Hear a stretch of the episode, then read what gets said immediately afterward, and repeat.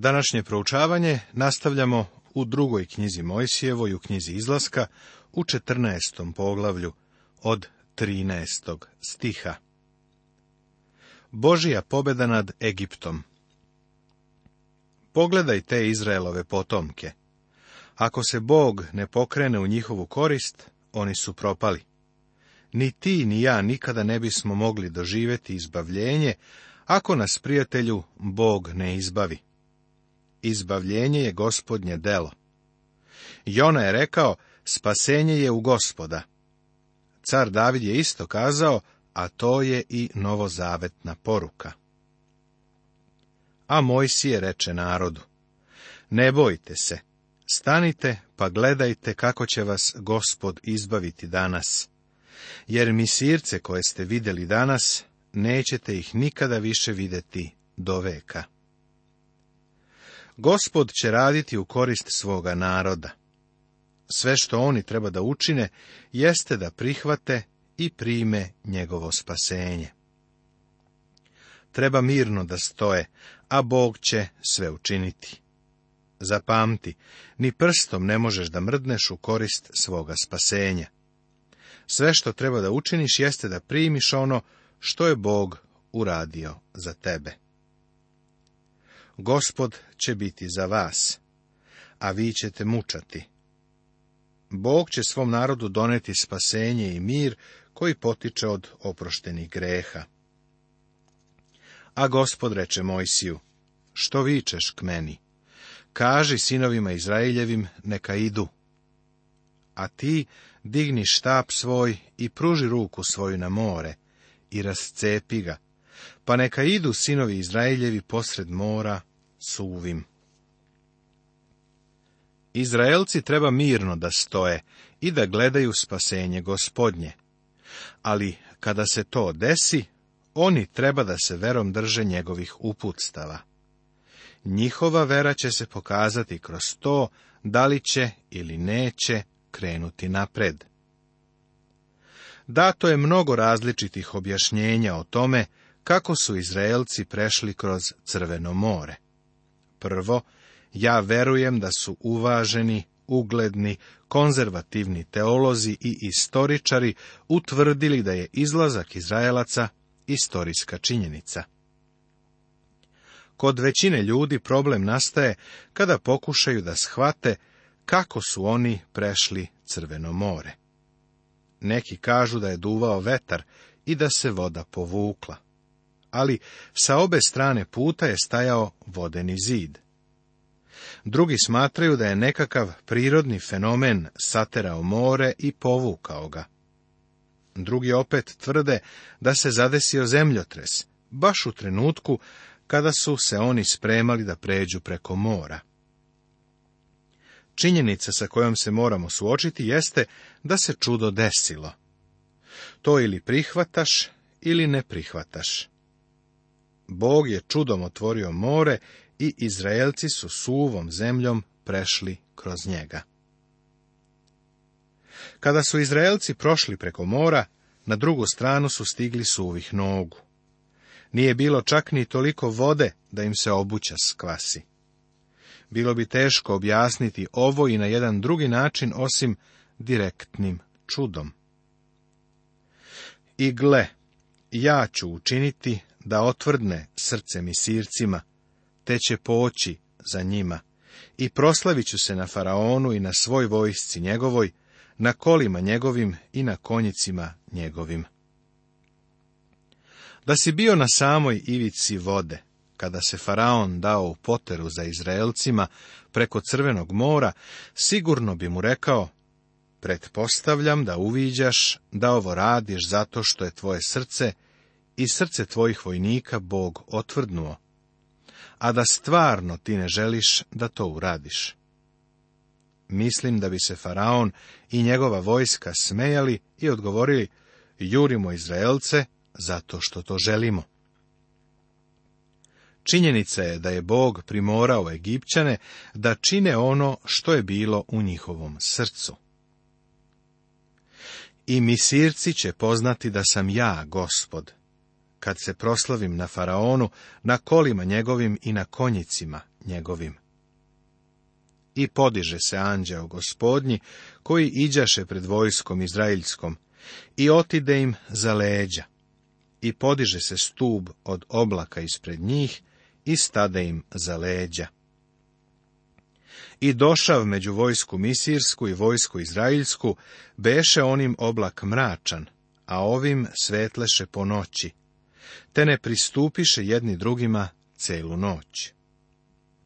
I pruži Mojsije ruku svoju na more, a gospod uzbi more vetrom istočnim, koji jako duvaše celu noć, i osuši more, i voda se rastupi. Ima nekoliko stvari na koje u ovom odeljku treba obratiti pažnju. Pre svega, Egipćani spomenuti u 18. stihu jesu ljudi koji su ostali u Egiptu. Izrael će bezbedno preći na drugu obalu Crvenog mora, a faraon i njegova vojska će nestati u vodama mora.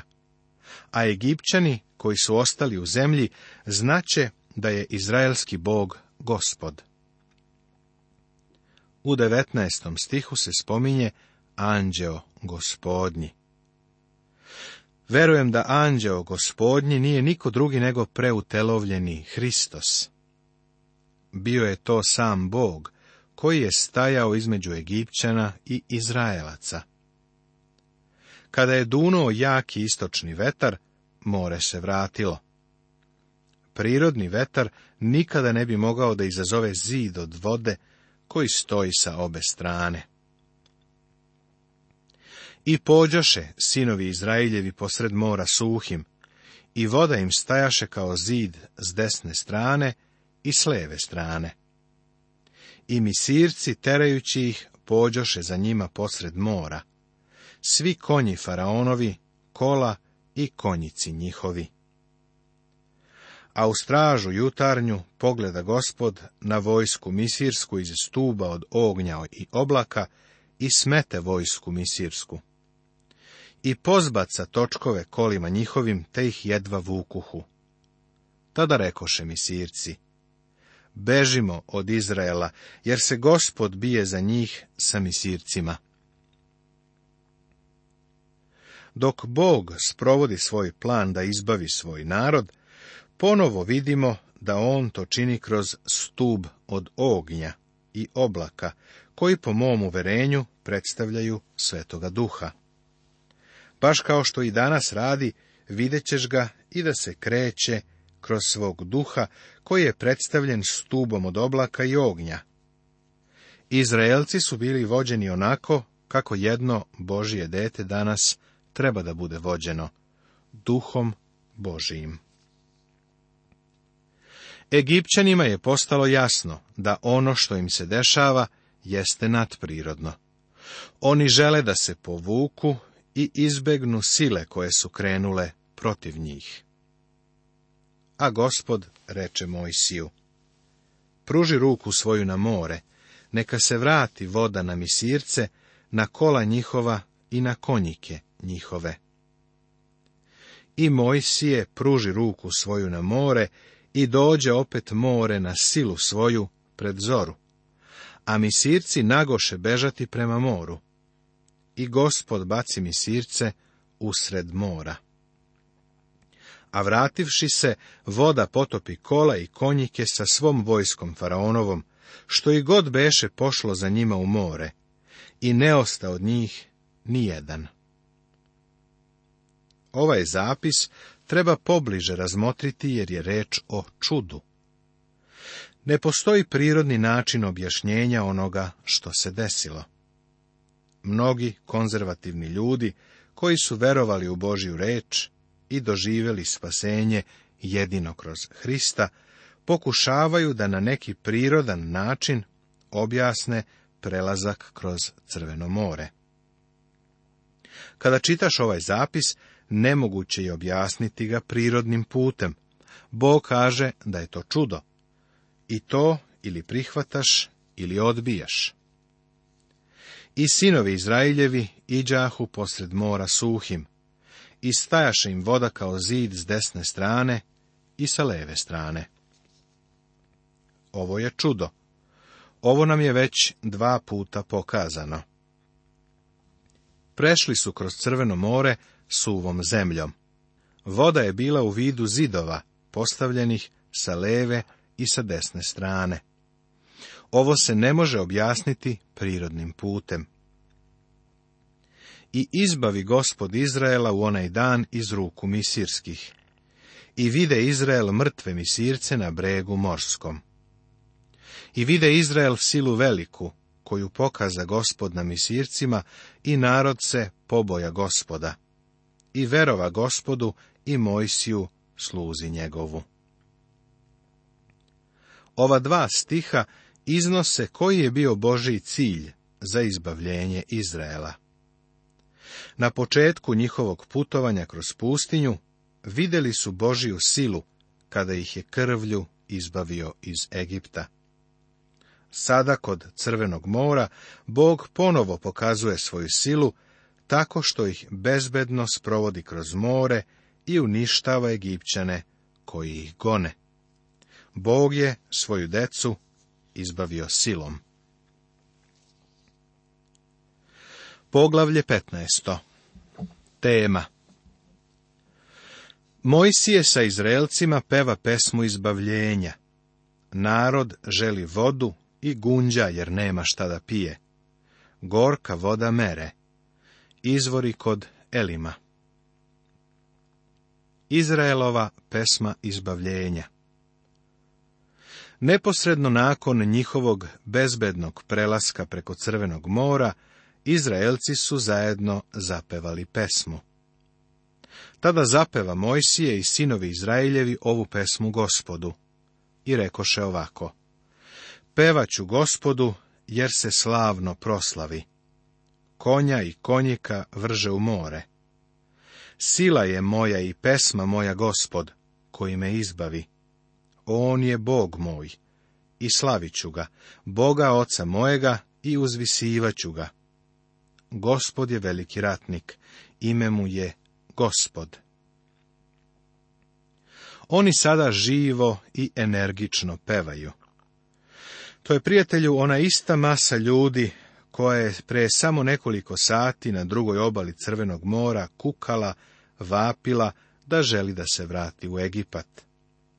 Tada su govorili, zar ne beše grobova u misiru, nego nas dovede da izginemo u pustinji. U prvoj poslanici Korinčanima u desetom poglavlju, u jedanaestom stihu Svetoga pisma Novog Zaveta, piše da se sve ovo događalo njima za primer, ali je napisano za upozorenje nama, kojima su posljednja vremena blizu. Bog ovo iskustvo upotrebljava radi jedne vrlo važne pouke za nas. Neću da vam ostane nepoznato, braćo, da su svi naši očevi bili pod oblakom, i svi su prošli kroz more, i svi su bili u Mojsija kršteni u oblaku i u moru. Kako su se to Izraelci krstili u Mojsija? Nije moguće da je to učinjeno vodom, jer su kroz more prešli, a obuća im je ostala suva. Ni kap vode na njih nije pala. Ako želiš da govoriš o vodi, dobro pogledaj Egipćane. Oni su se skvasili. Šta to onda znači da su Izraelci bili kršteni u Mojsija, kršteni u oblaku i u moru? To znači da su se prepoznali, identifikovali. Primarno, odnosno osnovno značenje reči krštenje je identifikacija. Obred krštenja je krštenje vodom i ja verujem da je ono važno. Ono nam izlaže pravo krštenje, a to je krštenje duhom svetim, koje nas poistovećuje sa Hristom i stavlja nas u Hrista. Pa, kako su Izraelci kršteni u Mojsija. Sa jedne obale mora žalili su se na Mojsija, a kada su prešli na drugu obalu, pevali su mu pesmu. Oni su se identifikovali, poistovećivali sa Mojsijem. Oni su kroz njega bili spaseni. Verom pređoše crveno more kao po suvoj zemlji. A kad Egipćani to pokušaše, podaviše se. Ovo piše u poslanici Jevrejima u 11. poglavlju 29. stihu Svetoga pisma Novog Zaveta. Verom su Izraelci prešli Crveno more. Čije je to vera bila? Nije to bila vera Izraelaca, jer je nisu ni imali, sve dok nisu prešli more. Oni su se poistovetili sa Mojsijem, bila je to Mojsijeva vera. Mojsije je pregazio Crveno more. Mojsije ih je odveo na drugu stranu. Kada su dospeli do druge obale mora, Mojsije je zapevao pesmu izbavljenja. Tada su vidjeli spasenje Božije. Poistovetili su se sa Mojsijem. Bili su kršteni u Mojsija. Prijatelju, baš to se dešava kada poveruješ u gospoda Isusa Hrista kao spasitelja. On nas izvodi iz egipatskog ropstva i egipatske tame ovoga sveta. On nas prevodi preko Crvenog mora. To je njegovo izbavljenje, njegovo spasenje i njegovo oslobođenje. On nas dovodi na mesto na kome njemu možemo uzdići pesmu izbavljenja mi se onda sjedinjujemo i pripajamo njemu. Krštavamo se u Hrista. U prvoj poslanici Korinčanima u 12. poglavlju, u 13. stihu Svetoga pisma Novog Zaveta piše Jer smo svi mi jednim duhom kršteni za jedno telo. Bili judeji ili grci, bili robovi ili slobodni. I svi smo jednim duhom napojeni. Duh sveti nas pripaja Hristu i čini da postanemo jedno sa njim. Divno je biti sjedinjen sa njim. Govoreći o sigurnosti svoga spasenja, jednom je jedna draga gospođa rekla, niko te ne može oteti iz njegove ruke. Neko je odgovorio, ali možeš iskliznuti kroz njegove prste. Ona je odzvratila, o ne, ja ne mogu da mu iskliznem kroz prste, ja sam jedan od njegovih prstiju. Ovo je istina, prijatelju. Mi smo delovi njegovog tela. Duh sveti nas je sjedinio sa Hristom. Kakvo divno izbavljenje imamo u Hristu. Ono što se desilo Izraelu bilo je primjer za nas. To je slika našeg izbavljenja i onoga što Duh sveti čini kada uzverujemo u gospoda Isusa Hrista kao spasitelja. Pre nego što su se Izraelci sjedinili sa Mojsijem u pesmi Izbavljenja Bogu, pevali su pustinski bluz. Pre nego što su prešli preko mora, pevali su bluz, glasani dug, i na taj pustinski bluz opet će se oni vraćati, jer je to bila njihova glavna pesma dok su putovali kroz pustinju. Međutim, povremeno su tu pesmu smenjivali odlučnom pesmom spasenja. Ova pesma se može uporediti sa Devorinom i Barakovom pesmom u knjizi o sudijama. U Bibliji ima mnogo pesama. David je komponovao i pevao mnoge pesme koje nalazimo u psalmima. Videćeš kako su te pesme divne. Čak je i prorok Jeremija imao pesmu, iako je uglavnom jadikovao i tugovao. I drugi proroci u Starom zavetu imali su svoje pesme. Novi zavet započinje pesmama.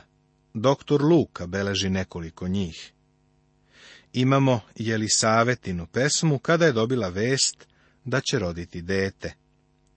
Marija je pevala pesmu kada je saznala da će postati majka gospoda Isusa Hrista. Ima i drugih divnih pesama u vezi sa Hristovim rođenjem. Konačno, u otkrivenju za provirujemo u nebo, kada gledamo veliki broj ljudi okupljenih oko Božijeg trona. Pevali su Bogu novu pesmu. To će verovatno biti prvi put kada ću ja moći da pevam. Sve do tada ja to ne radim tako dobro, ali u to vrijeme sa novim telom i novim glasom sigurno ću moći da pevam novu pesmu. Sa svom tom današnjom pričom o miru, mislim da bi svakome dobro došlo da pročita ovu Mojsijevu pesmu. Ona nam govori o tome kako je Jahve ratnik. U 19. poglavlju knjige Otkrivenja vidimo ga kako dolazi na zemlju i uklanja svu nepravdu a dok se to ne sprovede na zemlji nikada neće biti mira. U Mateju u desetom poglavlju gospod je rekao, ne mislite da sam došao da donesem mir na zemlju. Nisam došao da donesem mir, nego mač. Ove reči su izrečene za njegov prvi dolazak na zemlju. Kada drugi put dođe na zemlju, on će sa mačem doneti i mir. To je jedini način da se zemlja očisti od nepravde nastavit će se.